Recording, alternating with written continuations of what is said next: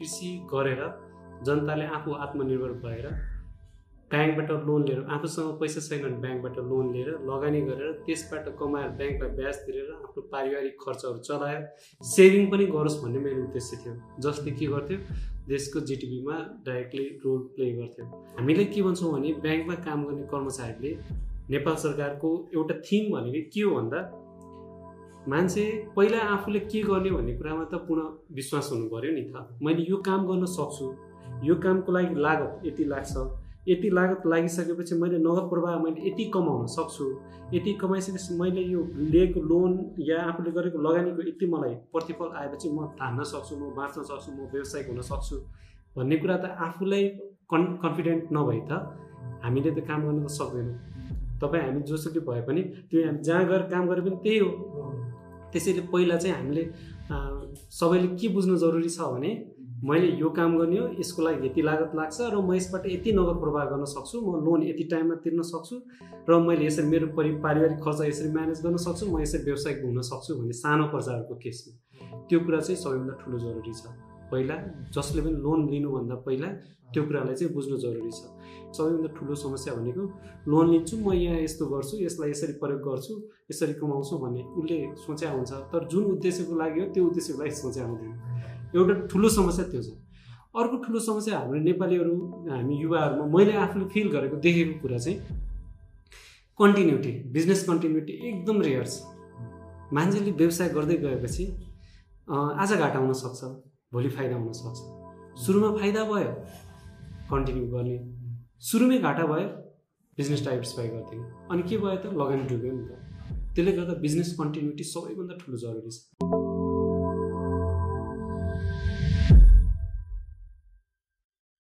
Every one hope you're having an amazing time अनि आज फेरि म एउटा नयाँ पोडकास्ट लिएर आएको छु। अनि आजको विषयवस्तु भनेको चाहिँ हाम्रो एग्रिकल्चर सम्बन्धी एग्रिकल्चरको लोनको बारेमा हुनेवाला छ। अनि यो एग्रिकल्चर लोनको लागि चाहिँ हाम्रो कृषि विकास ब्याङ्क एग्रिकल्चर डेभलपमेन्ट ब्याङ्ककै साथीलाई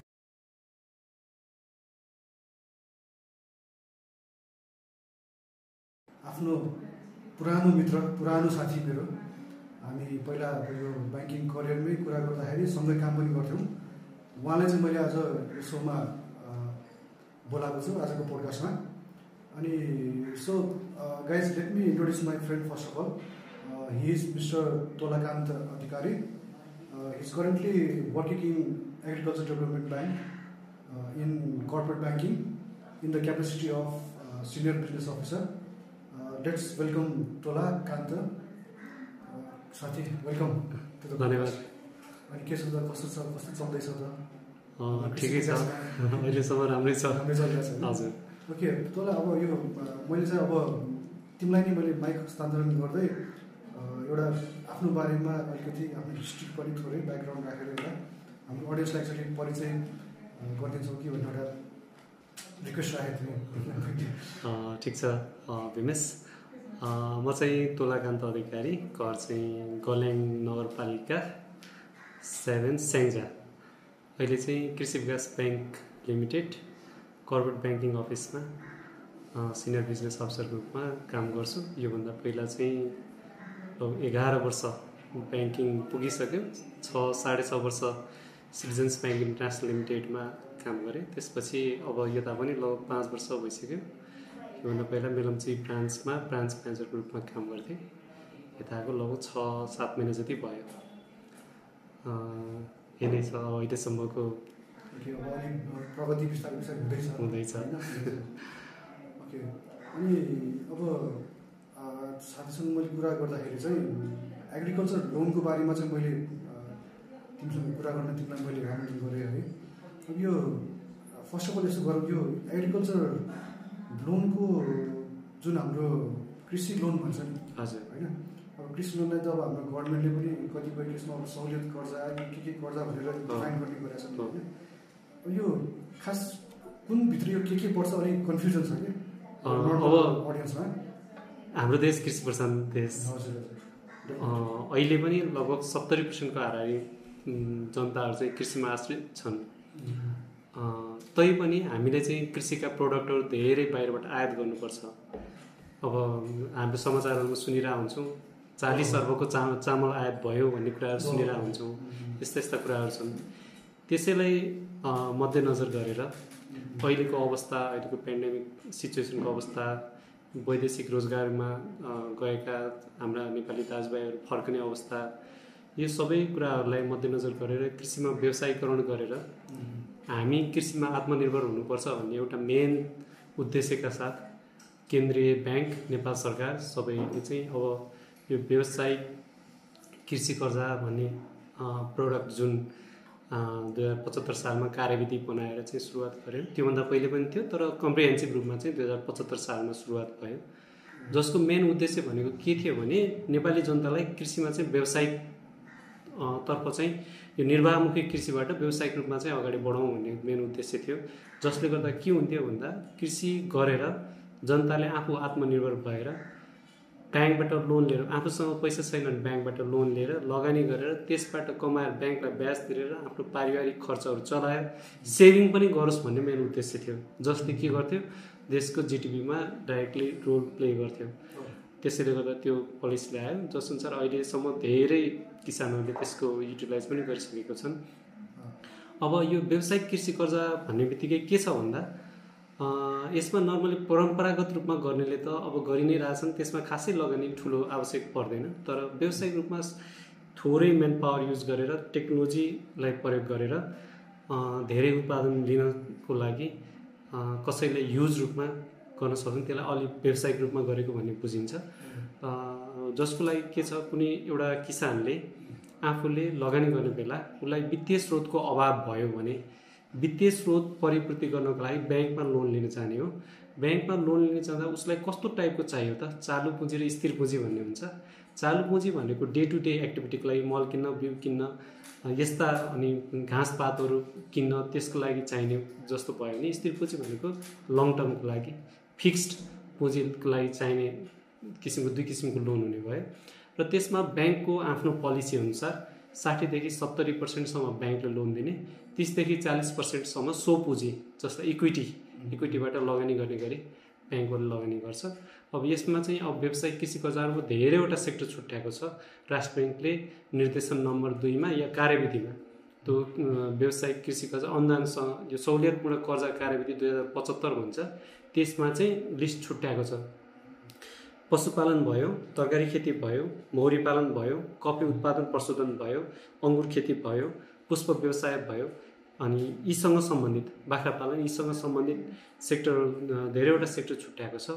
त्यो सेक्टर अन्तर्गत काम गर्ने व्यक्तिहरूले किसानहरूले फर्म कम्पनीहरूले चाहिँ लोन लिन सक्ने भए। र यसको लागि के छ भन्दा एक करोडसम्म चाहिँ फर्म सोल प्रोभाइडरसिप फर्म व्यक्तिगत फर्मबाट पनि लिन सक्छ भने एक करोडभन्दा माथि गइसकेपछि अनिवार्य रूपमा कम्पनीमा जानुपर्ने हुन्छ र पाँच करोडसम्म अनुदान पाँच पर्सेन्ट चाहिँ नेपाल राष्ट्र ब्याङ्क मार्फत अनुदान प्राप्त हुन्छ र ब्याङ्कहरूले आफ्नो बेस रेट प्लस दुई दुई प्रतिशत ब्याजसम्म उनीहरूले लिन सक्छन्। कृषि विकास ब्याङ्कको हकमा अहिलेको डाटा अनुसार कुरा गर्दा त अब हाम्रो बेस रेटभन्दा कममा व्यवसायिक कृषि कर्जाहरू चाहिँ दिएको छ। र अनि पाँच करोडभन्दा माथि चाहिँ अब दुई पर्सेन्ट मात्रै ब्याज सहुलियत दिने भन्ने कुरा छ। यसरी चाहिँ अहिलेसम्म लगानी भइरहेछ। अनि अब डेफिनेटली होइन तँलाई अब यो अहिलेको कन्टेक्सको पनि कुरा गर्दाखेरि जस्तै छ नि अब अहिले सबैजना कोभिडबाट इफेक्टेड छ हो, होइन? हजुर। सबैलाई गाह्रो छ अहिले। एकदम। अनि प्लस चाहिँ अब कतिपय भनौँ न अब धेरै जस्तो मान्छेहरू त फर्कि पनि रहेछ। होइन? विदेशबाट फर्किरहेछ भनेपछि त्यहाँनिर पनि हाम्रो गभर्मेन्टको ध्यान आकर्षण त भइरहेको छ। होइन? अब अहिले डेफिनेटली अहिले हेर्ने हो भने अब त्यो पर्टिकुलर जुन फर्किरहेका मान्छेहरू छन् अब जुन। यो अहिले अब कतिपय बिजनेसहरू त अब चल्न नसक्ने अवस्थामा अवस्थामा छ। कतिपयलाई त अब त्यो बिजनेसलाई डाइभर्सिफाई पनि गर्नु पऱ्यो। होइन भनेपछि यो सबै कुरालाई मध्यनजर गरेर यसो हेर्दाखेरि चाहिँ जुन यो कृषि व्यवसाय छ होइन यो चाहिँ अब कोभिड पछिको चाहिँ वान अफ द टप व्यवसाय हुन सक्ने सम्भावना चाहिँ मैले देखिरहेको छु। हजुर। है अहिलेको कन्टेक्स्ट हेर्दाखेरि आजसम्म जे छ त्यो कुराहरू सबै मध्यनजर गर्दाखेरि त्यो त आफ्नो ठाउँमा छँदैछ है? अनि म्याक्सिमम् अब अहिलेको कन्टेक्स्टमा पनि भनौँ अब जस्तै अब नर्मल हामी तिमीले मान्छेहरूले त अँ। होइन ब्याङ्कमै काम गरिरहेछौँ मैले पढाइरहेको छु अनि त्यो मान्छेहरू कुरा गर्दा पनि आज हामीले आफ्नै खेत यो सरी आफ्नै भनौँ न छतमा पनि होइन आफ्नो हो। कोरिडोरमा पनि एउटा सानो कृषि जस्तो हामीले पनि कामहरू त गरिरहेको छौँ नि त आफै तरकारी उब्जाउने गर्ने होइन? त्यो समय भएको हुनाले। सो यो सबै हेर्दाखेरि र प्लस अर्को भनेको चाहिँ जुन इन्भाइरोमेन्टको कुरा छ। हजुर। होइन इन्भाइरोमेन्ट पनि मैले जोडिहालेको छु है। इन्भाइरोमेन्टको कुरा हेर्दाखेरि मैले के पाएको छु भन्दाखेरि योभन्दा कोभिडभन्दा अगाडि त काठमाडौँ पनि यति सफा हुन्छ र भन्ने त हामीले। सोचेको पनि थिएन त्यो भएर एकदम नजरअन्दाज भएको कुरा हो। होइन। तर कोभिडले के सिकाइदियो भन्दाखेरि चाहियो भने त गर्न सकिन्छ। सकिँदो रहेछ सफा पनि हुँदो रहेछ भन्ने कुरो होइन भनेपछि यो सबै कुरा हेर्दाखेरि त मैले चाहिँ देखेको यो कृषि व्यवसाय चाहिँ मैले चाहिँ देखेको अब यो कोभिड पछिको चाहिँ मान्छेहरूले गर्न सक्ने र एउटा पोटेन्सियल भएको व्यवसाय चाहिँ रहेछ। एकदमै? अब। यही सन्दर्भमा चाहिँ मैले खासमा चाहिँ अब यो हाम्रो ब्याङ्कहरूबाट के कस्तो यो कृषि व्यवसाय गर्नेहरूलाई चाहिँ राहतहरू छ त अनुदानहरू छ त सरकारको तर्फबाट पनि होला होइन। यही कुरामा चाहिँ मैले खासमा चाहिँ आज तोलालाई चाहिँ मैले आज वेलकम गराएको पोडकास्टमा है। हजुर। अब जस्तै अलि भर्खरै तिमीले पनि भनिहाल्यौ। यो एक करोडदेखि माथिको पाँच करोडदेखि माथिको कुराहरू यता। अब यसमा अलिकति डिटेलमा जाँदाखेरि भित्रपट्टि जाँदाखेरि जस्तै हाम्रो यो दस लाखसम्मको चाहिँ बिना ढिलो नै पाउने हो कर्जा कस्तो छ? यस्तो छ त्यसमा पनि। अब राष्ट्र ब्याङ्कको कार्यविधि अनुसार चाहिँ अब महिला उद्यमशील कर्जा भन्ने छ पन्ध्र लाखसम्म भन्ने छ। शैक्षिक बेरोजगार कर्जा भन्ने छ। त्यसपछि आएर दलित उत्थान कर्जा भन्ने छ। अनि वैदेशिक रोजगारबाट फर्केका युवाहरूलाई विदेशमा सिकेको सिपलाई प्रयोग गरी व्यावसायिक हुने गरी भनेर तोकेको कर्जाहरू छ। यो कर्जाहरू चाहिँ बिना धितो उनीहरूलाई सामूहिक जमानीमा या व्यक्तिगत जमानीमा दिने कर्जाहरू हुन्। यसमा पनि अब लगानीको स्रोत त केही त आफूले लगानी गर्नु परिहाल्यो। त्यसको आधारमा दिने कर्जाहरू। तर हाम्रो सबैभन्दा ठुलो समस्या के छ भने मैले फिल्डमा बसेर काम गर्दा ब्रान्चहरूमा बसेर काम गर्दा डाइरेक्ट किसान व्यवसायीहरूसँग प्रत्यक्ष भेट गर्दा देखिने ठुलो समस्या के छ भने हामीले कुरा बुझ्दै नबुझी लोन पाए हुन्थ्यो भन्ने एउटा नेपालीहरूको सबैभन्दा ठुलो समस्या छ। कस्तो समस्या छ भने "ए, यस्तो लोन दिन्छ अरे सरकारले यस्तो भनेको त्यसैले आएको के गर्नुपर्छ यसको लागि? भनेर धेरै मान्छेहरू ब्याङ्कमा बुझ्न आउँछ। भनेपछि। लोन दिने तर उद्देश्य चाहिँ उद्देश्य उसँग उसलाई डिटेल प्लान हुँदैन।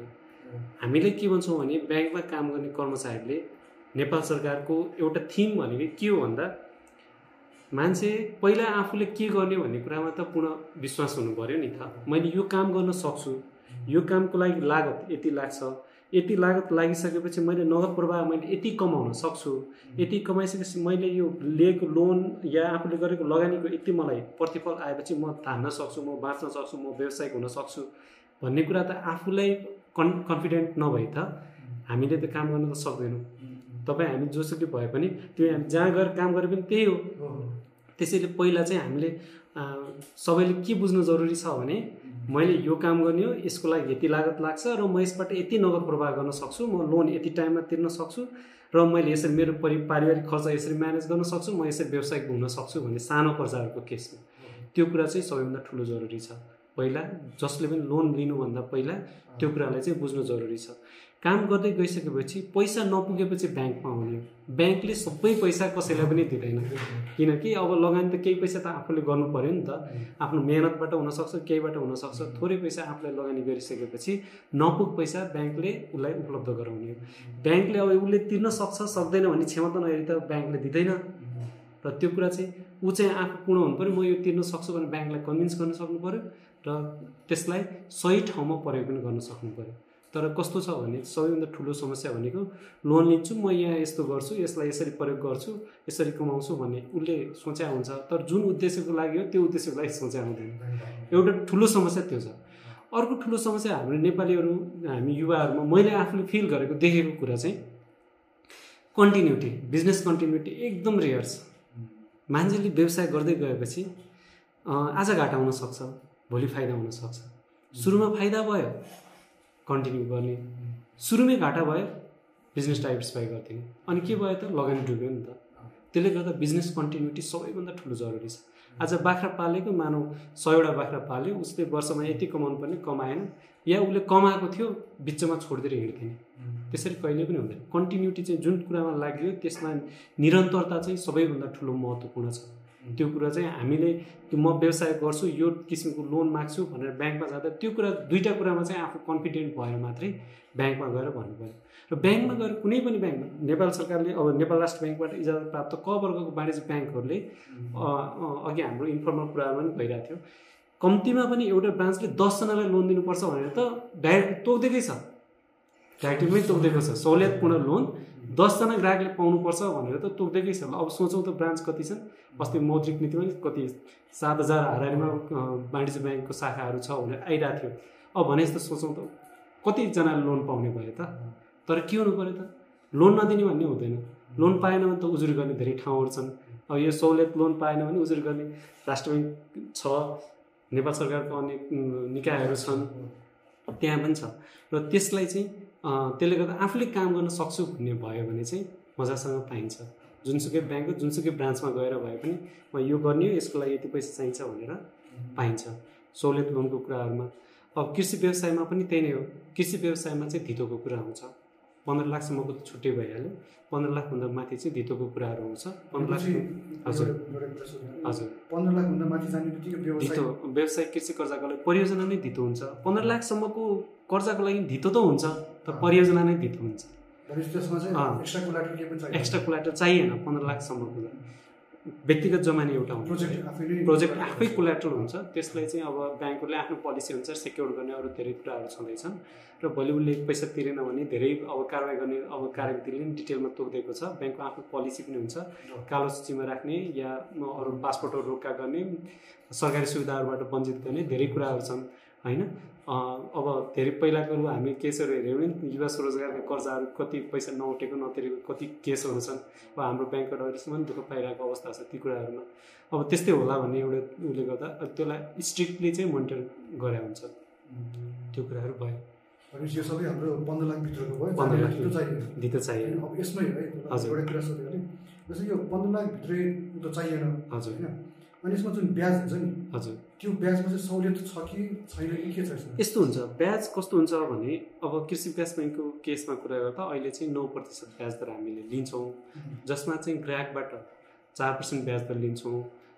हामीले राष्ट्र ब्याङ्कबाट पाँच पर्सेन्ट अनुदान पछि माग्छौँ। तर ब्याङ्कको लागि आम्दानी भनेको चार पर्सेन्ट नौ पर्सेन्ट नै हो। पाँच पर्सेन्ट नेपाल सरकारले उनीहरू मार्फत हामीलाई दिने भयो र चार पर्सेन्ट चाहिँ ग्राहकलाई कस्टमरले दिने भयो। त्यसमा कुनै पनि सेवा शुल्कहरू लाग्दैन। ब्याङ्कलाई लाग्ने चार्ज ग्राहकलाई पनि लाग्यो। ब्याङ्कले कुनै पनि चार्ज लिँदैन। धितो मूल्याङ्कनको चार्ज ब्याङ्कले लिने कुरा भएन। मूल्याङ्कनकर्ताले लिने भयो उसले तिर्ने भयो। कर्जा सूचनाको चार्ज कर्जा सूचना केन्द्रले लिने भयो ग्राहकले तिर्नु पऱ्यो सेवा शुल्कहरू कुनै पनि लाग्दैन। त्यस्तो हुन्छ। पन्ध्र लाखसम्म व्यावसायिक कृषि गर्दा सहुलियत लोनमा सबैमा त्यही सबैमा त्यो सबैमा त्यही होइन यो नभएको चाहिँ दस लाखसम्मको त्यो भयो। हजुर। अनि दस लाखभन्दा माथिको कुरा पन्ध्र लाखसम्मकै कुरा हो। अब यसमा सेक्योर्ड र यो कसरी सेक्योर्ड गर्ने भनेको हामीले बिमा सिमा गर्ने भन्ने कुरा हुन्छ। र अनि यो व्यावसायिक कृषि कर्जाहरू व्यावसायिक लोनहरू यो सहुलियत लोनहरू लिँदा चाहिँ परियोजना पूर्ण रूपमा बिमा हुनुपर्छ। बिमा अब कृषिसँग सम्बन्धित भयो भने बिमा प्रिमियम जति तिर्नुपर्ने हुन्छ त्यसको पचहत्तर पर्सेन्ट नेपाल सरकारले बिमा कम्पनीलाई डाइरेक्ट दिन्छ भने पच्चिस पर्सेन्ट चाहिँ किसानले तिर्नुपर्ने हुन्छ। त्यसरी चाहिँ हामीले परियोजनाको बिमा गराउँछौँ। बिमा प्रत्येक वर्ष रिन्यू गर्नुपर्छ किनकि बिमा गरेपछि भोलि यताउता समस्या पऱ्यो भने बिमा कम्पनीले दिने भयो। त्यसरी हुने भयो। भनेपछि त यो सिधा तरिकाले हेर्दाखेरि त एकदमै राम्रो योजना अब यस्तो छ अब मान्छे कति मान्छेले बुझेका छैनन् यो कुरालाई। तर वास्तवमा यो यस यसको फाइदा उठाएर मान्छेले काम गर्यो भने धेरै राम्रो छ। अब यो अनुदानको केस पाँच वर्षको लागि भनेर भने हुन्छ। पाँच वर्षको लागि फाइभ इयर्स यस्तो छ फाइभ इयर्सको लागि अनुदान दिने भयो। तर नर्मल्ली हामीले हेरेको लगानी गरेको पैसा पाँच वर्षमा कृषि व्यवसायहरूमा चाहिँ रिकभर हुन्छ। पाँच वर्षमा रिकभर भएन भने त लगानी गरेको त्यति बराबरको रिटर्न नभएको जस्तो बुझिन्छ नि त। त्यसै गर्दा पाँच वर्षमा रिकभर हुन्छ। इन केस अहिलेको जस्तै अवस्थाहरू भयो भने ब्याङ्कले पाँच वर्षपछि पनि त्यो लोन दिन सक्छ तर ब्याङ्कले जुन नर्मल रेट हो त्यो रेट नै ग्राहकले कसलाई तिर्नु पऱ्यो त ब्याङ्कलाई तिर्नु पऱ्यो अनुदान चाहिँ आउनु भयो त्यसरी हुन्छ। फाइभ इयर्ससम्म अनुदान पाउने भयो। पाँच वर्षभन्दा पछाडि चाहिँ नोमिनल रेट ब्याङ्कले रेट नै ग्राहकले ब्याङ्कलाई तिर्नु किसानले ब्याङ्कलाई दिनु पर्यो अनि जस्तै अहिले भर्खर तिमी एउटा त्यो कुरा गर्दाखेरि चाहिँ फिक्स टर्म लोन र वर्किङ क्यापिटल लोन। कुरा गरेको। जस्तै भनौँ जस्तै पशुपालन व्यवसाय छ नि हजुर पशुपालन व्यवसाय होइन त्यो पशुपालन व्यवसाय गर्ने मान्छेलाई चाहिँ जुन पशु हुन्छ नि। त्यो पशु चाहिँ अब किन्ने चाहिँ त्यो fix term loan fix. Term loan भयो। गोठ बनाउने फिक्स टर्म लोन भयो। बाख्रा पाल्ने भने खोर बनाउने फिक्स टर्म लोन भयो।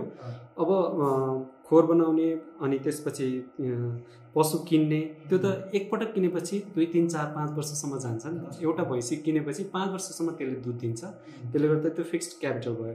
त्यसमा चाहिँ अब स्थिर पुँजी भन्छौँ हामीले। स्थिर पुँजीमा टर्म लोन हुन्छ किस्ता तिर्नुपर्ने हुन्छ। पाँच वर्ष एउटा भैँसीले अब हामीले कृषि पाँच वर्ष अनुदानको कुरा गर्दा एउटा नर्मल भैँसीले पाँच वर्षसम्म राम्रोसँग दुध दिन्छ र त्यसमा लगानी गरेको पैसा त पाँच वर्षमा त तिर्न सक्नु पऱ्यो नि त। एक लाखमा भैँसी किन्छ भने पाँच वर्षमा एक लाख रुपियाँ त उठाउनु पऱ्यो नि। त्यसलाई गरेको बिचमा गरेको लगानी र सुरुमा गरेको एक लाख रुपियाँ त पाँच वर्षसम्म उठाउनु पऱ्यो भन्ने मान्यताले गर्दा पाँच वर्षको लागि अनुदान भने त्यसरी चाहिँ तोक्या। हो अब भैँसी किन्नलाई लोन दिएछ अब एउटा भैँसीले पाँच वर्षसम्म दुध दिन सक्छ भने दस वर्षलाई लोन दिने भन्ने कुरा त भएन।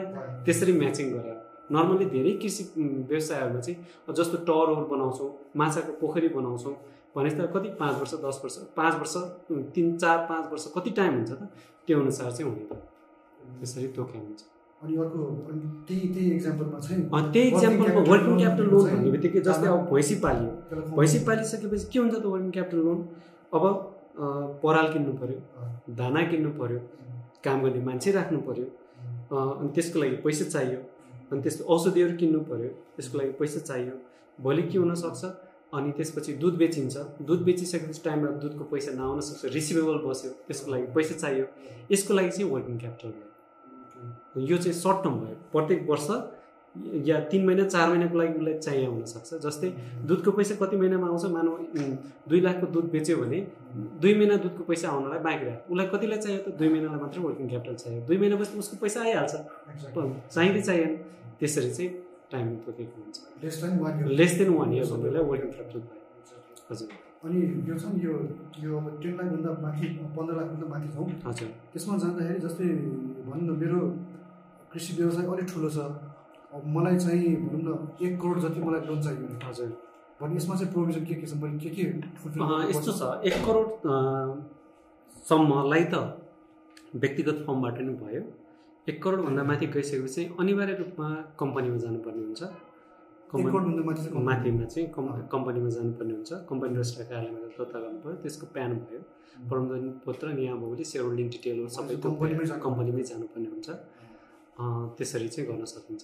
यो चाहिँ अप टु एक करोड। एक करोडभन्दा माथि। एक करोडभन्दा माथि। माथि। एक करोडसम्म कम्पनीमा भयो कुनै समस्या नै भएन हजुर। गर्न सकियो. तर कम्पनी छैन भने व्यक्तिगत फर्म छ भने पनि लिन सकियो।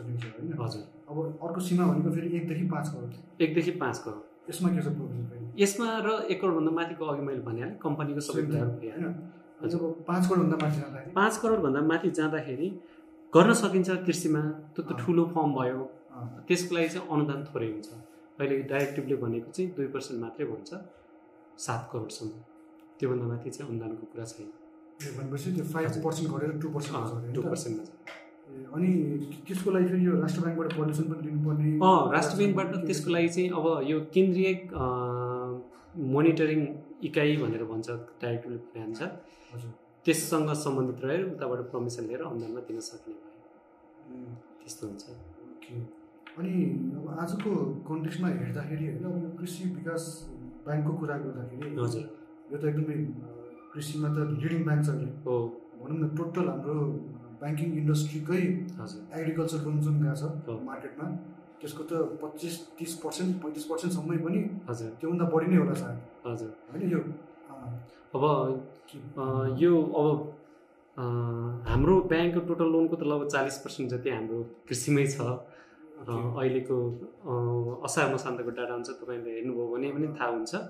र टोटल ब्याङ्किङको त एक्ज्याक्टली मैले पनि बुझ्नैपर्छ किनकि सबैसँग कम्पेयर गर्नै पर्ने हुन्छ अब हामीले त नामै छ कृषि विकास ब्याङ्क अब सुरुमा अब नेपाल सरकारले कृषिलाई नै प्रमोट गर्ने गरी खुला भयो पछि अब बैसठी त्रिसठी पछि चाहिँ कमर्सियल ब्याङ्कमा गयो।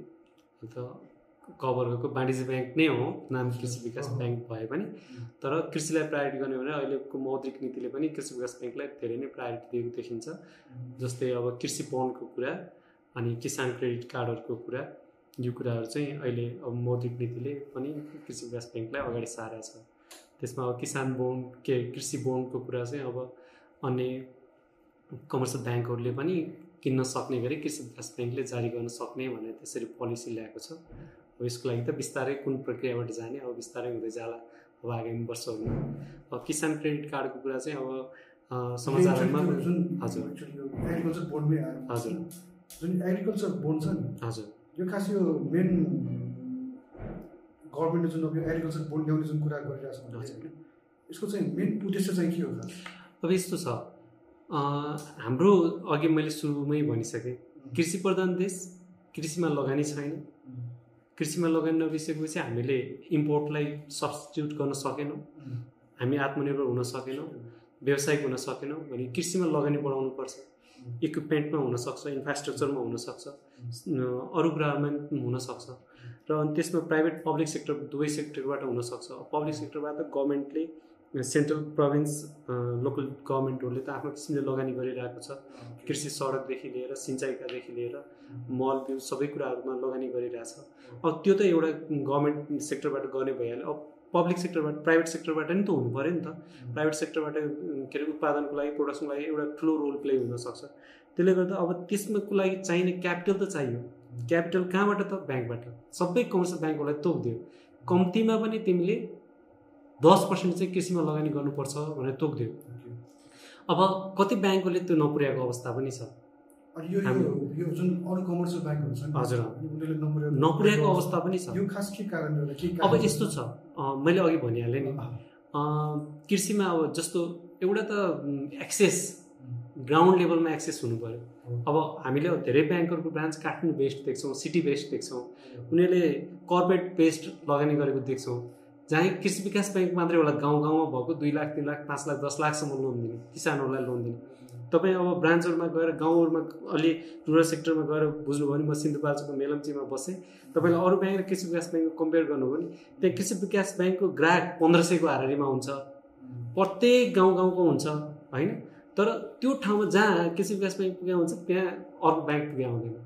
किनकि पुरानो पनि भयो कृषि विकास ब्याङ्क सुरुदेखि लगानी गरे नि भयो। अब यो बैसठी त्रिसठीभन्दा पहिला त प्रत्येक घरको अब अहिले सोध्नु हो तपाईँले गाउँहरूमा गएर सोध्नुभयो भने त्यहाँ न कृषि विकास ब्याङ्कको फलाना यति सालको म ग्राहक भनेर पनि भने हुन्छ। अब अँ, त्यसरी गर्दा कृषिको चाहिँ सुरुमै एक्सेस भयो। विकासे अड्डाको रूपमा नेपाल सरकारले प्रत्येक जिल्लामा पहिले नै खोल्यो। त्यसअनुसार सबैको एक्सेस कृषि विकास ब्याङ्कमा भयो। तर अरू ब्याङ्कहरू पछि आए उनीहरूले गाउँ गाउँमा ब्रान्च खोल्न सकेनन्। कृषिलाई त्यति प्रायोरिटी दिएनन् र अनि अहिले उनीहरूले के खोजिरहेछ? सिटी बेसमा खोजिरहेछ। अब यहाँ ठुलो लगानी गर्ने प्रोजेक्टहरू त कमै भेटिन्छन्। जहाँ कि अब हामी त लो क्यापिटल भएका साना ग्रामीण इलाकामा धेरै बसोबास गर्ने मान्छेहरू छन्। त्यो सेक्टरको मान्छेलाई लगानी गर्नलाई अब अरू ब्याङ्क र कृषि विकास ब्याङ्कको कम्पेरिजन गर्दा उनीहरूले अलिक बढी रिस्क देखायो कि त्यसले गर्दा नि कम हुनसक्छ हजुर। एउटा त्यो ब्याङ्कहरूले हजुर। त्यो बोर्ड किन्यो भने चाहिँ त्यो ब्याङ्कहरूले अब इन्भेस्टमेन्टको इन्डाइरेक्ट इन्भेस्टमेन्टको रूपमा चाहिँ अब कृषि विकास ब्याङ्कले लगानी गर्छ। त्यसको बोन्डबाट आएको पैसा। कृषिमा लगानी गर्छ। अब त्यो थिमबाट जसरी अहिले मोनिटरी। पोलिसीले भनेको छ त्यो थिमबाट ल्याएको छ। अब अरू ब्याङ्कहरूले चाहिँ त्यसमा लगानी गर्यो भने कृषिमा लगानी गरे सरह उनीहरूले के पाउने भयो त? छुट पाउने भयो। भनेपछि राष्ट्र ब्याङ्कको डिरेक्टिभ चाहिँ। अनुसारको कुराहरू चाहिँ फुलफिल हुने भयो। फुलफिल हुने भयो। Commercial bank Commercial bank। उनीहरूलाई त्यो फाइदा छ। सो त्यो कारणले पनि त्यो। एग्रिकल्चर अब चाहिँ अब चाहिँ त्यसमा चाहिँ अब कृषि विकास ब्याङ्कको ठुलो रोल देखिन्छ। त्यो एग्रिकल्चर बोन्डको उसमा चाहिँ जारी गर्ने विषयमा चाहिँ यस्तो छ। सायद ठुलै मार्केटमै ठुलै आउँछ हजुर। अहिलेको कन्डिसनमा अहिलेको कन्टेक्स्टमा बुझिन्छ त्यस्तो। अनि यो अनि यो एग्रिकल्चर बोर्ड अब आउने कुरा भयो अनि यो सँगसँगै अर्को एउटा यो भर्खरै तिमीले पनि भनिहाल्यो हजुर। कृषि कार्ड भनेर क्या किसान क्रेडिट कार्डको किसान क्रेडिट कार्ड हो। अनि यो जस्तै अब हाम्रो छिमेकी राष्ट्रमा पनि होइन हजुर। यो कृषि कार्ड परिचय पत्र भन्छ एउटा फेरि कृषि क्रेडिट कार्ड भन्छ होइन। हजुर। यो यो कन्सेप्ट चाहिँ खास के को लागि हो? यो हुनु त किसानको लागि हो। हजुर।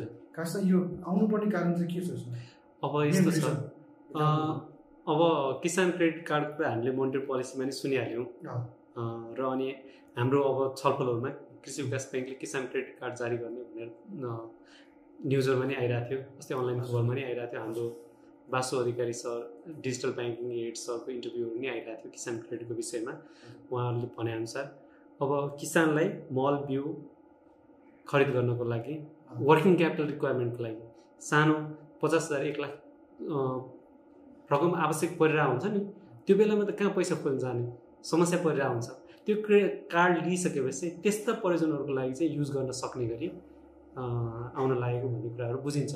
अब यस विषयमा अब अझै पनि धेरै स्टडी होला। अब कसरी किसानहरूलाई फेसिलिटेट गर्ने? अब कृषि मन्त्रालयले नेपाल सरकारले राष्ट्र ब्याङ्कले हाम्रो ब्याङ्कले अब त्यसमा केही पोलिसीहरू अझै पनि बनाउँछ जस्तो लाग्छ।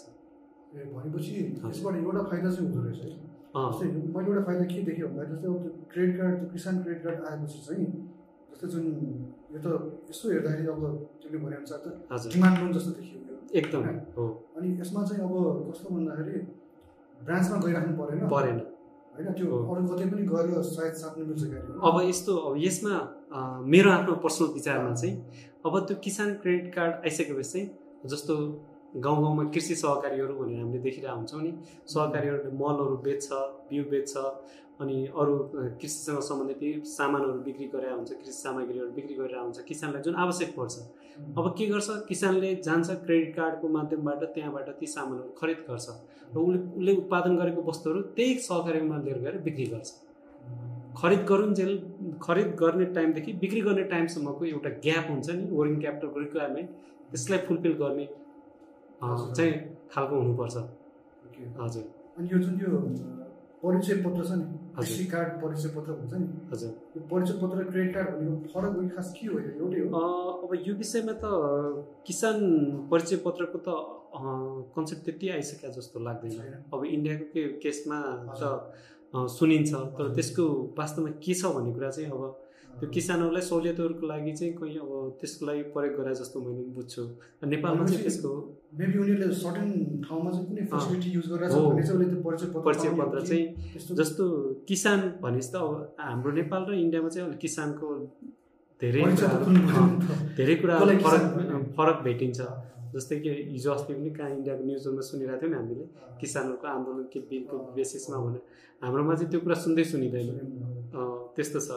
अब त्यहाँ चाहिँ किसानहरू भएपछि त्यो गभर्मेन्ट निकायहरूमा त्यो फेसिलिटेट हुनको लागि चाहिँ परिचय पत्र डिस्ट्रिब्युट गरे जस्तो लाग्छ। नेपालमा चाहिँ पनि त्यो सुरु गऱ्यो भने किसानहरूलाई धेरै राहत हुन्छ। अब हामीले देख्छौँ नि मैले आफूले एकदम फिल गरेको कुरा कि। म अब त्यो काठमाडौँभन्दा बाहिर बस्दा जुन म आउटसाइड ल चार साढे चार वर्ष म बाहिर बसेँ बाहिर बस्दा चाहिँ ग्राउन्ड लेभलको किसानहरूसँग धेरै सङ्गत भयो कि। ग्राउन्ड लेभलको किसानहरूसँग सङ्गत हुँदा उनीहरूको प्रब्लमहरू धेरै कुराहरू बुझ्यो। र अनि यस्तो भइदियो हुँदो जस्तो पनि भयो। किसानहरूलाई हाम्रो देशमा अलिकति फेसिलिटेट गर्ने चलन छैन कि? कस्तो छ भने किसानले आफूले उत्पादन गरेको वस्तु बजारमा बेच्न लिएर गयो भने त्यहीँ व्यापार गर्ने इन्डियाबाट सामान लिएर आएर बेच्ने मान्छेलाई चाहिँ उसैलाई उसैसँग बार्गेनिङ गरेर सामानहरू किनिरहेको हुन्छ। तरकारी हुनसक्छ साग हुनसक्छ दुध हुनसक्छ अरू कुराहरू। यति मात्रै पनि भइहाल्छ नि भने हाम्रो चलन छ नि त त्यो। वास्तवमा किसानलाई अब उसले के हुन्छ त्यति बेला आफ्नो गिल्ट फिल गर्छ कि? आफूले उत्पादन गरेको उसले त देशको लागि ठुलो योगदान दिएको छ नि त। उत्पादन गरेको सहरसम्म पुर्याएको छ बिक्री वितरण गरेको छ दुध उत्पादन गरेको छ लगाएको छ। भ्यालु एडिसन गरे। त्यो कुराहरू छ। हामीले त उसलाई के गर्नुपर्ने? प्रमोट गर्नुपर्ने। हुन चाहिँ किसान क्रेडिट कार्डको कुरा आयो नि। जुन अघि हामी त्यो त्यस्तो किसानहरूलाई किस किसान कार्ड उपलब्ध गराएर तिनीहरूलाई सम्मान गर्ने हुनसक्छ। उनीहरूलाई अलिकति अलिकति आ आत्मसम्मान बढ्ने खालको कामहरू हुनसक्छ। त्यो लोकल गभ मेन त स्थानीय निकायहरूको ठुलो रोल हुन्छ त्यसमा। त्यो कुराहरू भइदियो भने चाहिँ मान्छे के हुन्छ हामी जस्तो युथ जेनेरेसनको मान्छे पनि एग्रिकल्चरमा लाग्न सक्छ। किनकि अब मेरो बुवा मम्मीले कृषि गरिरहनु भएको छ भने मैले त्यो पेसा कहिले पनि अगाडि नेपालको कन्टेक्स्टमा त्यस्तो अवस्था छ कि। जहाँ कि अब मेरो बुवा मम्मीले यसरी गरिरहनु भएको थियो मैले चाहिँ त्यसलाई अलिक व्यावसायिक रूपमा यसरी गर्नुपर्छ भन्ने हुन्छ नि। त्यो चाहिँ धेरै रेयर छ। केही ठाउँमा चाहिँ छ होला। तर युथहरूमा धेरै रेयर छ। जहाँ कि युथ एग्रिकल्चरमा लागेन भने व्यवसाय कसरी हुन्छ? सम्भवै छैन नि त। अब गाउँमा गएर अहिले हामीले हेऱ्यौँ भने युथ गाउँमा देख्दै देख्दैन अब कोभिडको केसले गर्दा अलिअलि बल्ल फर्किरहेछ त्यो बारी खन्नलाई कसले बुढाबुढी गएर बारी खनिरहेको हुन्छ? अनि प्रोडक्टिभिटी कसरी बढ्छ? अनि हामीले इम्पोर्टलाई कसरी सब्सटिट्युट गर्छौँ त? कृषिमा कसरी विकास हुन्छ त? सबैभन्दा ठुलो कुरा चाहिँ युथलाई एग्रिकल्चरमा कसरी एट्र्याक्सन गर्ने त्यसको लागि पोलिसी भन्नु पनि जरुरी छ। त्यसपछि त यो लोन भनेको कुरा त त्यसपछि अटोमेटिकली गइहाल्छ नि। पहिला त त्यो एट्र्याक्सन त त्यहाँ लाग्ने मेन पावरलाई त हामीले कृषिमा यस्तो छ है भनेर एउटा आत्मसम्मान सबैभन्दा ठुलो कुरा।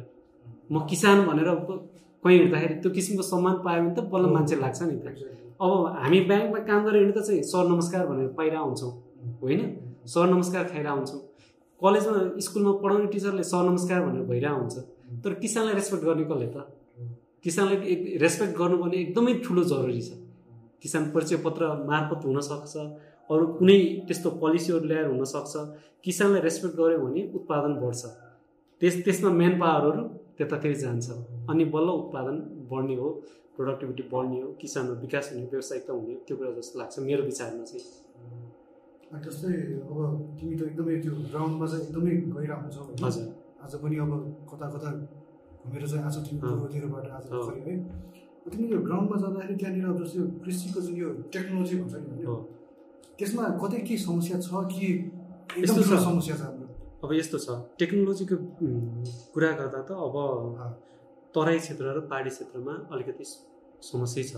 पहाडी क्षेत्र हाम्रो भौगोलिक बनावट नै त्यस्तै छ। चाहेको टेक्नोलोजी पनि युज गर्न नसक्ने अवस्था छ। त्यसले गर्दाखेरि अब कति कुराहरू समस्या पनि छ। ती कुराहरू त आफ्नो ठाउँमा छँदैछन्। अब टेक्नोलोजी पनि त्यो किसिमको मेन पावर एक्सपर्टिज छैन नि त हाम्रोमा। बल्ल अलिअलि चलाउन आउने मान्छेहरू छन्। जस्तो अब हाते ट्र्याक्टर। गाउँमा बल्ल हाते ट्र्याक्टरहरूको काम सुरु भइरहेछ। तराईमा त ट्र्याक्टरले पहिलादेखि जोत्ने सबै कुराहरू छ।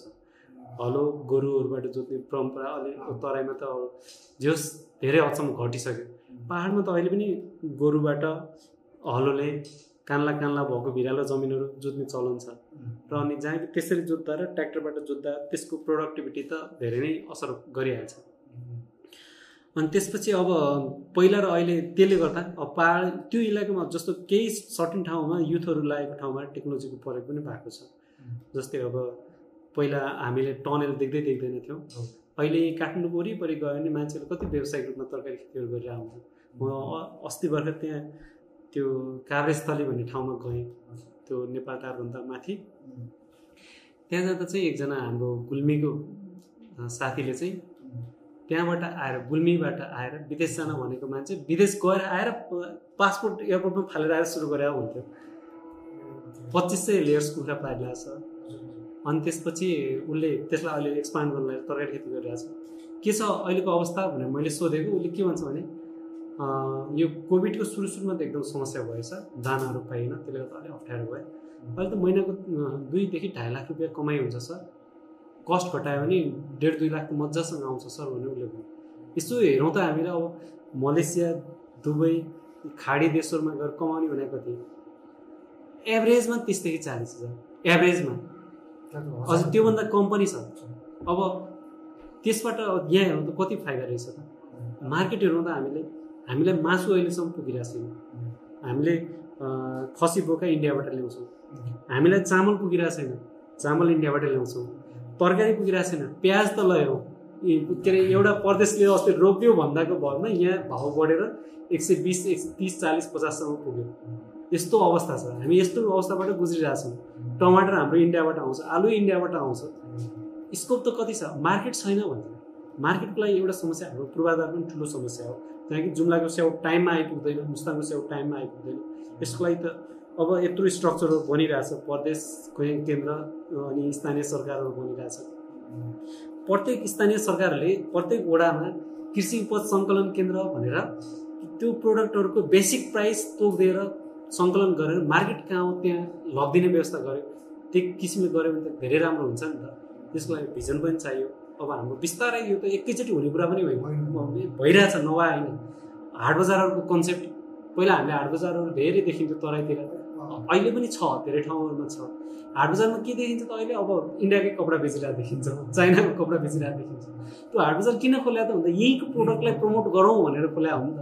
अब त्यो किसिमले प्रमोट गर्नु पऱ्यो त्यस्ता सामानहरूलाई रिप्लेस गरेर यहीँको प्रोडक्ट यहीँ उत्पादन गरेको प्रदर्शनी भनेर लागिरहेको हुन्छ। हामी गाउँ गाउँमा ए फलानु ठाउँमा यस्तो प्रदर्शनी लागिरहेछ भनेर जान्छौँ।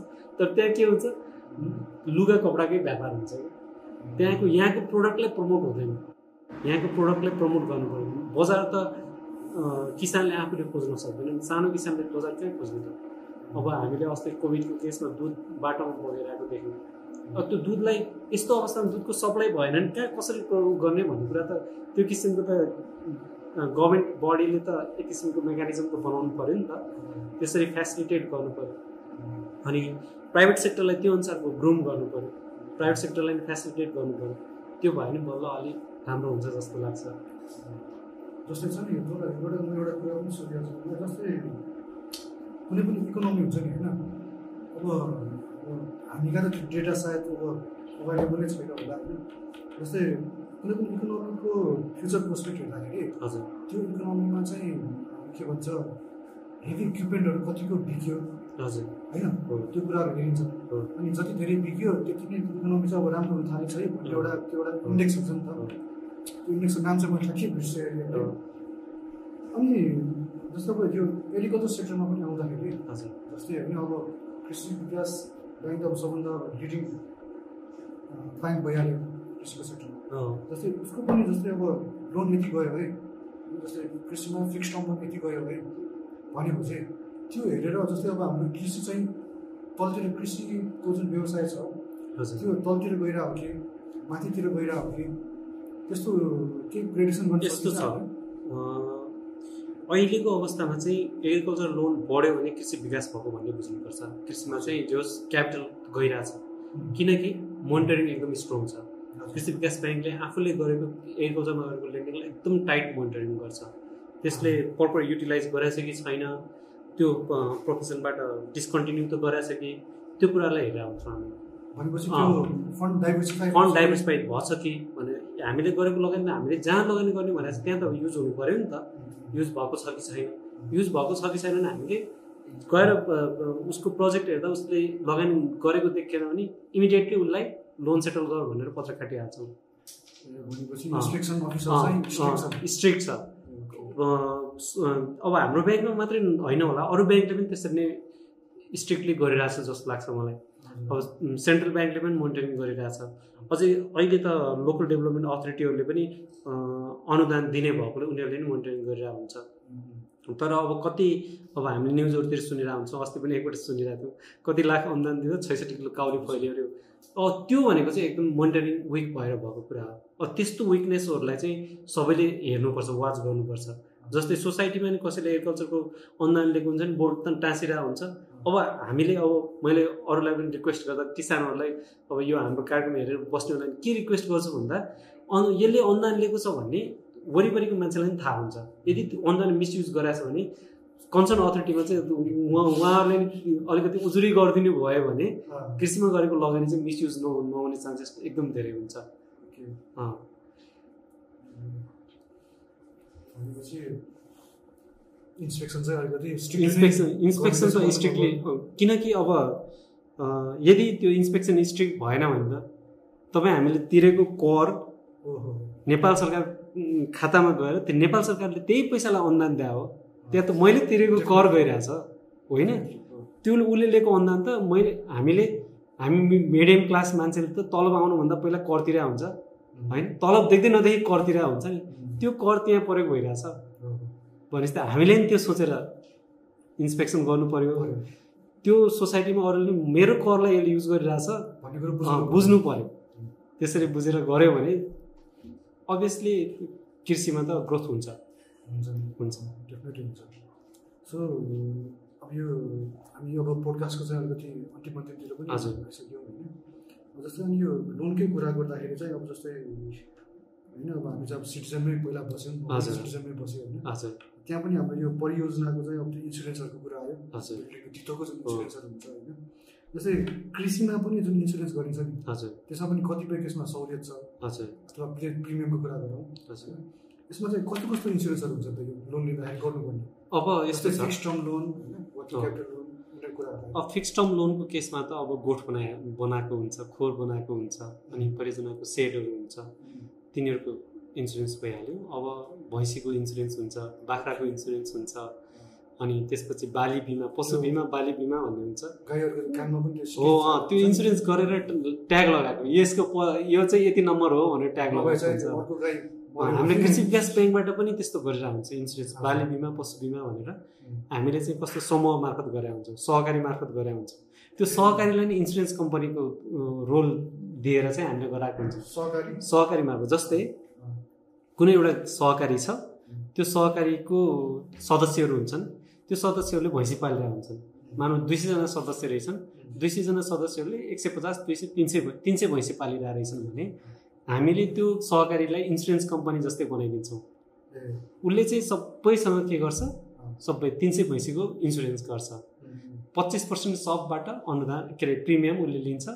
एउटा उपसमिति हुन्छ। उपसमिति मार्फत कृषि विकास ब्याङ्कको खातामा ल्याएर उनीहरूले कलेक्सन गरेको प्रिमियम जम्मा गर्छ। त्यो जम्मा गरिसकेपछि त्यसको सब डिटेल रेकर्ड चाहिँ हामीलाई पठाउँछ। हामी गएर इन्सपेक्सन गर्छौँ। तिन सयवटा भैँसी नै हामीले एक एक हेर्छौँ। सबै उसले बिमा गरेको। सबै हेरिसकेपछि नेपाल सरकार मार्फत हामीले पचहत्तर पर्सेन्ट प्रिमियम रकम जुन हुन्छ त्यो चाहिँ त्यही उपसमितिको जुन ऐ खोलेर पच्चिस पर्सेन्ट खाता खोलेर पच्चिस पर्सेन्ट जम्मा गरेको ठाउँमा पचहत्तर पर्सेन्ट हालिदिन्छौँ। अब भोलि त्यो एक वर्षभित्र दुई वर्षभित्र तिन वर्षसम्म त्यो पैसा कलेक्सन हुँदै हुँदै जान्छ त्यसरी। त्यो कसको हो सहकारीको? त्यो समितिको। भोलि इनकेस तिन सयवटा भैँसी एकैचोटि केही भयो भने त अर्कै कुरा भइहाल्यो होइन? तर सबै एकैचोटि त हुँदैन नि त। एउटा दुईवटा पाँचवटा दसवटा होला। अब यदि क्षति भयो भने त्यसैबाट सहकारीले इन्सपेक्सन गरेर आफैले पैसा रिम्बर्स गर्छ। त्यसमा ब्याङ्कको रोल पनि हुँदैन। हामीले चाहिँ त्यो प्रोसेस मात्रै हेर्छौँ। र अनि त्यो जम्मा भएको पैसा उसैको हुन्छ। तर इन्सुरेन्स कम्पनीबाट गऱ्यो भने चाहिँ के हुन्छ भन्दा premium twenty five percent premium उसले बुझायो। तर यदि क्षति आ भयो भने त आउने भयो। क्षति भएन भने त उसको पैसा भएन नि त। तर त्यसरी गर्दा चाहिँ क्षति भएको पैसा नि उसैको हुन्छ क्षति भयो भने त गइहाल्यो। क्षति भएन भने त्यो पैसा कसको हुन्छ? हन्ड्रेड पर्सेन्टै सहकारीको हुन्छ। त्यही सदस्यहरूको हुन्छ। त्यसरी पनि हामीले पशु बिमा बाली बिमाहरू गरिरहेका हुन्छौँ राम्रो कुरा अँ। राम्रो कुरा। यो चाहिँ मैले पनि यता आएपछि कृषि विकास ब्याङ्कमा आएपछि बुझेको कुरा। मलाई पनि थाहा थिएन यस्तो हुन्छ भन्ने कुरा। यता आएपछि चाहिँ यस्तो हुँदो रहेछ भन्ने कुरा बुझेँ मैले पनि त्यसले चाहिँ अब जे होस् किसानहरूलाई आफूले तिरेको प्रिमियम पनि कहाँ छ भन्ने कुरा त थाहा भयो। त्यस्तो हुने। अनि हाम्रो जुन यो सहुलियतपूर्ण कर्जा छ नि हजुर। त्यसमा जस्तै डिफ्रेन्ट हेडिङहरू छ। नौवटा कि आठवटा कतिवटा हजुर।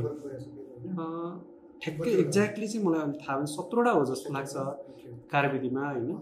अब धेरै नाइरन त्यो सबै नआउने अनि के कुनै स्पेसिफिक जस्तै आइरहेको भएर डिटेल मलाई पनि याद भएन। हजुर। व्यवसायिक कृषि कर्जामा र अहिले चाहिँ महिला उद्यमशील कर्जामा पनि मेजोरिटी गइरहेछ। व्यवसायिक कृषि कर्जा त भइहाल्यो। महिला उद्यमशील कर्जा कृषि भनेर हो कि होइन सहुलियतपूर्ण कर्जा? भनेर। त्यो कृषि चाहिँ होइन त्यो त्यो भनेको चाहिँ अब? महिला उद्यमशील कर्जा भने सहुलियतपूर्ण कर्जा भनेर आउँछ। अनि त्यसमा चाहिँ अझै अन्य कर्जामा भन्दा थप एक प्रतिशत अनुदान बढी आउँछ। अन्यमा चाहिँ अरू अन्यमा पाँच प्रतिशत आउँछ भने महिला उद्यमशीलमा छ प्रतिशत आउँछ अनुदान। त्यसमा चाहिँ महिलाहरूलाई चाहिँ उद्यमी बनाउनको लागि गभर्मेन्टले ल्याएको पोलिसी किनकि हामी अब पुरुष प्रधान देश भन्छ नेपाललाई। जसले गर्दा कतिपय ठाउँमा महिलाले मेहनत गर्ने पुरुषले खर्च गर्ने भन्ने हामीले गाउँतिर हेऱ्यो भने देख्छौँ नि। त्यसलाई चाहिँ अब महिलालाई उद्यमी बनाउनु पऱ्यो अलिकति ग्रोथ गराउनु पऱ्यो सबै कुरा गर्ने भने त्यो किसिमले ल्याएको पोलिसी भयो। उद्यमी भनेर घरेलु उद्योगहरू आफूले कुनै व्यवसाय सुरुवात गरेका छन् त्यसको लागि। त्यसरी दिने लोन भयो। त्यो पनि पन्ध्र बिना लाख बिना तिथो नै हो पन्ध्र लाखसम्म। त्यस्तो छ। अनि यो महिला उद्यमशील कर्जा चाहिँ यो भयो होइन एकदमै। मैले पनि यो न्युजहरूमा एकदमै मैले सुनिरहेको कुरा हो होइन। जस्तै अनि त्यो जुन लोन हुन्छ नि त्यो आफै पनि इन्सुरेन्स हुन्छ क्या होइन? कर्जा सुरक्षा निगमबाट इन्सुरेन्स हुने भइहाल्यो। अनि त्यसपछि अब ब्याङ्कले प्रोजेक्टको इन्सुरेन्स गर्ने भइहाल्यो। उसले गरेको परियोजनामा जुन लगानी गरेको छ कृषिमा कृषिको परियोजनामै इन्सुरेन्स हुने भइहाल्यो। व्यापार छ भने व्यापारको स्टकदेखि लिएर अरू कुरामै हुने भइहाल्यो। अनि उद्योग छ भने उद्योगहरूको इन्सुरेन्स हुने भइहाल्यो। त्यसरी चाहिँ हुन्छ। भनेपछि त एउटा त्यो राम्रो नियत लिएर हजुर। होइन जसले चाहिँ अब उद्यम होइन उद्यमशील बन्छु अन्टरप्रेनर बन्छु होइन। भनेर अगाडि बढ्ने जुन महिला होइन दिदीबहिनी भयो दिदीबहिनीहरू सबै हुनुहुन्छ होइन। उहाँहरूको पर्सपेक्टिभको थ्रुबाट चाहिँ बिना त्यस्तो पैसा पाउने भयो। होइन। पन्ध्र लाख भनेको आजको दिनमा सिग्निफिकेन्ट त नहुनु तर केही हुने अमाउन्ट त हो त्यो। यस्तो छ। होइन? त्यो त ठुलो रकम हो। किनकि महिला उद्यमशील भनेर पन्ध्र लाख रुपियाँ लगानी गर्नु भने त ठुलो कुरा हो। के अरे हामीले हेरौँ न त्यो त ठुलो व्यवसायको लागि भनेर तोक्या त होइन नि त। त्यो त के भने मान्छेलाई आफ्नो निर्वाह चलोस् ऊ व्यावसायिक बनोस् भनेर दिन खोजे हो नि त सिट पुँजी हो नि त त्यो। होइन? त्यसको लागि त ठुलो रकम भन्छु मैले। र अनि अघि भने जस्तै आजको दिनमा यो अहिलेको फेसिलिटी सहुलियत लोनको फेसिलिटीहरू युज गरेर म एकदम राम्रो गर्छु भनेर कोही मान्छे आयो भने सक्सेस हुन्छ हुन्छ। बिना धितो नि पायो। अब धितो कसैको धितो हुँदैन नि धितो नहुँदा कति अप्ठ्यारो हुन्छ। उसले गर्छु भन्दा नि पुँजीको स्रोत नभएर भएर- सहकारीहरूबाट महँगो ब्याजमा पैसा लिएर उसले चलाइरहेको अवस्था अहिलेसम्म हामीले देखिरहेको अवस्था हो नि त. सानो व्यवसाय पनि। सानो पसल चिया पसल खोलिरहेछ उसलाई लगानी ठुलो लगानी चाहिने होइन। दुई लाख रुपियाँ चाहिरहेको हुन्छ। तर के भयो त? सहकारीमा गएर बाइस पर्सेन्ट हुन्छ। डेली कलेक्सन गर्दा पैँतिस छत्तिस पर्सेन्टसम्म हामीले त्यो टाइम एल्कोहललाई हिसाब गरेर पनि देखिन्छ। भने देखिन्छ।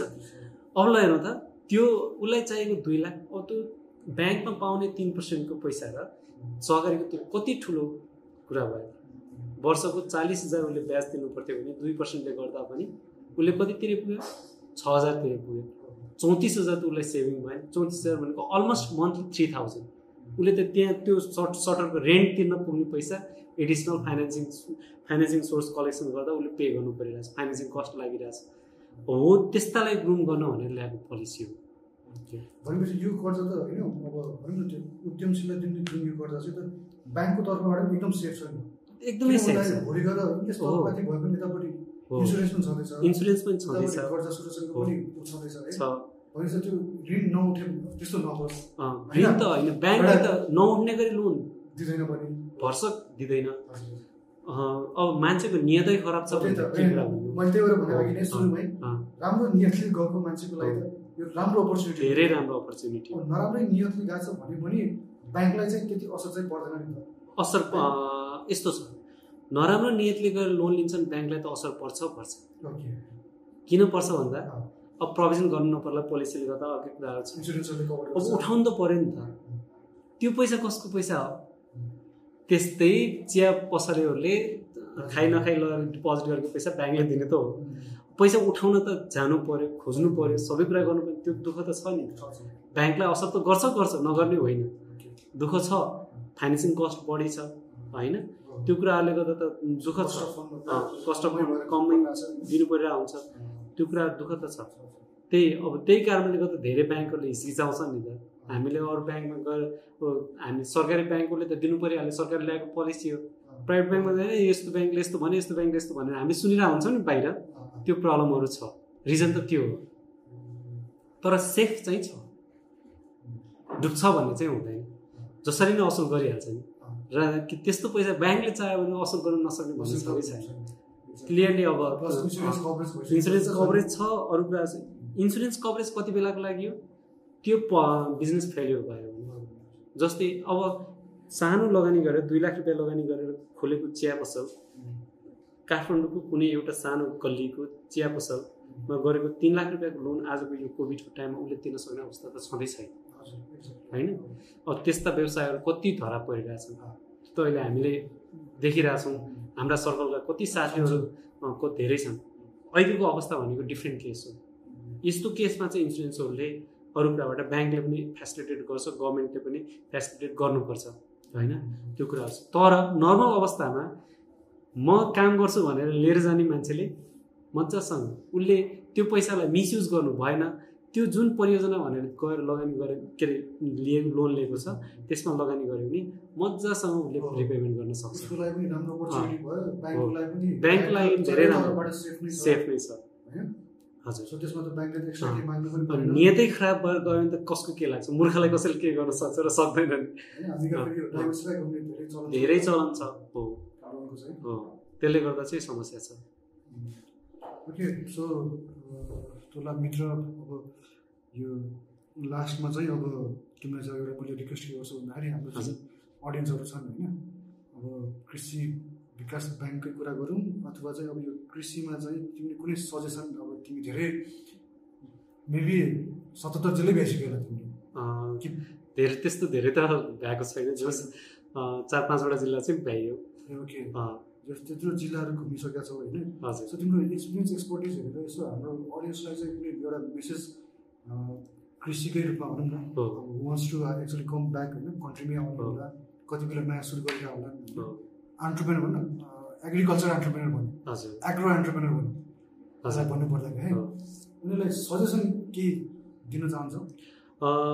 अब विमेश तिमीलाई फर्स्ट अफ अल त धेरै धेरै धन्यवाद भन्न चाहन्छु मैले। किनकि आफूसँग भएको केही कुरा अब कति कुरा त हामीलाई नि के थाहा हुन्छ र होइन तैपनि आफ्नो अनुभवले बुझेको कुराहरू देखेको कुराहरू। ग्राउन्ड लेभलमा कति किसानहरूले देखेको प्रब्लमहरूबाट चाहिँ मैले के हाम्रो अडियन्सहरू सबैलाई के रिक्वेस्ट गर्न चाहन्छु भने यदि तपाईँको काम गर्ने एकदम मनसाय छ म काम गर्न सक्छु भन्ने छ भने फर्स्ट अफ अल मैले के काम गर्दैछु यो कामबाट मलाई फाइदा हुन्छ हुँदैन यसले मेरो परिवार चल्छ कि चल्दैन मैले बचत गर्न सक्छु कि सक्दिनँ भन्ने कुरा पहिला आफू कन्फिडेन्ट हुनुहोस्। कन्फिडेन्ट भइसकेपछि ब्याङ्कमा जानुहोस्। या काम सुरु गर्नुहोस्। काम सुरु गरेपछि तपाईँलाई थप चाहिने पुँजी सबै पैसा ब्याङ्कले दिँदैन हेर्नुहोस्। केही पैसा आफूले पनि लगानी गर्नुपर्ने हुन्छ। कि आफ्नो आफूसँग भएको पैसा लगानी गरेर नपुगिसकेपछि सानो रकम दुई लाख तिन लाख पुरा हुनसक्छ। तपाईँसँग पचास हजार हुनसक्छ। तपाईँसँग धेरै पैसा नभए थोरै पैसा हुनसक्छ। कोही सापट्टि लिन सक्नुहुन्छ केही गर्न सक्नुहुन्छ कमाउन सक्नुहुन्छ। त्यसबाट आएको पुँजीलाई लगानी गरिसकेपछि ब्याङ्कमा जानुहोस्। ब्याङ्कमा जाँदा तपाईँ के पूर्ण भएर जानुहोस् भने मैले यो व्यवसाय गर्दैछु। ब्याङ्कको कर्मचारीलाई त्यहाँ बस्ने मान्छेहरूलाई बुझाउनु त पऱ्यो नि त तपाईँ कन्भिन्स त गर्नु पऱ्यो नि त। ब्याङ्कको कर्मचारी लोन दिँदै गर्दा त यसबाट यति पैसा दियो भने यति टाइममा यसले तिर्न सक्छ भन्ने कुरा हुनुपर्छ। त्यसैले आफूले योजना बनाएर ब्याङ्कमा जानुहोस् र ब्याङ्कमा गएर तपाईँले भन्नुहोस् यो काम गरेर म यति वर्षमा यति कमाउँछु यो व्यवसायलाई म यहाँसम्म पुर्याउन सक्छु। अब यो मेरो मलाई आउन सक्ने समा समस्याहरू यो यो हुन सक्छन् यो समस्याहरूलाई मैले यसरी निराकरण गर्न सक्छु भन्ने एउटा योजना बनाएर जानुहोस्। अहिले कोभिडको कारणले कति मान्छेहरू बेरोजगार भइरहनु भएको छ विदेशबाट फर्किरहनु भएको छ। अब देशमा गर्न सक्ने अपर्च्युनिटीहरू धेरै छन्। नेपाल सरकारले त्यो धेरै फेसिलिटीहरू लिएर आएको छ। केन्द्र स्थानीय निकायबाट धेरै फेसिलिटीहरू लिएर आएको छ। ब्याङ्कहरूले तपाईँहरूलाई नै लगानी गर्नु भनेर ब्याङ्कहरूले ब्रान्च खोलेर बसिरहेको छ। कृषि विकास ब्याङ्क छ वाणिज्य ब्याङ्क नेपाल ब्याङ्कदेखि लिएर अन्य प्राइभेट ब्याङ्कहरू पनि छन्। त्यसले गर्दा आफूले स्पष्ट योजना बनाएर म यसमा यति लगानी गर्छु र मैले यति गर्न सक्छु भनेर ब्याङ्कमा जानु भने तपाईँहरूले कर्जा नपाउन कुन- पनि अवस्था देख्दिनँ मैले। र यदि त्यस्तो भइहाल्यो तपाईँहरूलाई काम गर्छु भन्ने सबै कुरा हुँदाहुँदै पनि अब कहीँबाट त्यस्तो भयो भने स्थानीय निकायमा उजुरी गर्नुहोस् प्रदेश सरकारसँग सम्बन्धित निकायमा केन् केन्द्रीय ब्याङ्कहरूमा उजुरी गर्नुभयो भने अझै यो हाम्रो त टोल फ्री नम्बरहरू पनि उपलब्ध गराइरहेको हुन्छ। मैले यस्तो गर्दै गर्दा नि यस्तो भएन भनेर भन्नुभयो भने नपाउने अवस्था रहँदैन। र सबैलाई म यसबाट यो यो सहुलियतमूलक कर्जाको कार्यविधि नेपाल सरकारले नेपाल राष्ट्र ब्याङ्कले ल्याएको कार्यविधिलाई भरपुर उपयोग गरेर उद्यमशील बन्नुहोस् भन्ने शुभकामना दिन चाहन्छु। एकदमै धेरै धेरै धन्यवाद। ल तिमीलाई धेरै धेरै धन्यवाद। भर्खरै फर्किया छौ मैले भर्खरै गरिहाल्यौँ। हजुर। एकदम बिजनेस के चल्थ्यो तिम्रो पोडकास्टमा आइदियो। थ्याङ्क यू सो मच तपाईँलाई धेरै धेरै धन्यवाद okay guys that was all for today आजको पोडकास्टको लागि I hope I see you in the next episode soon so guys stay tuned thank you for listening thank you for watching good bye bye for now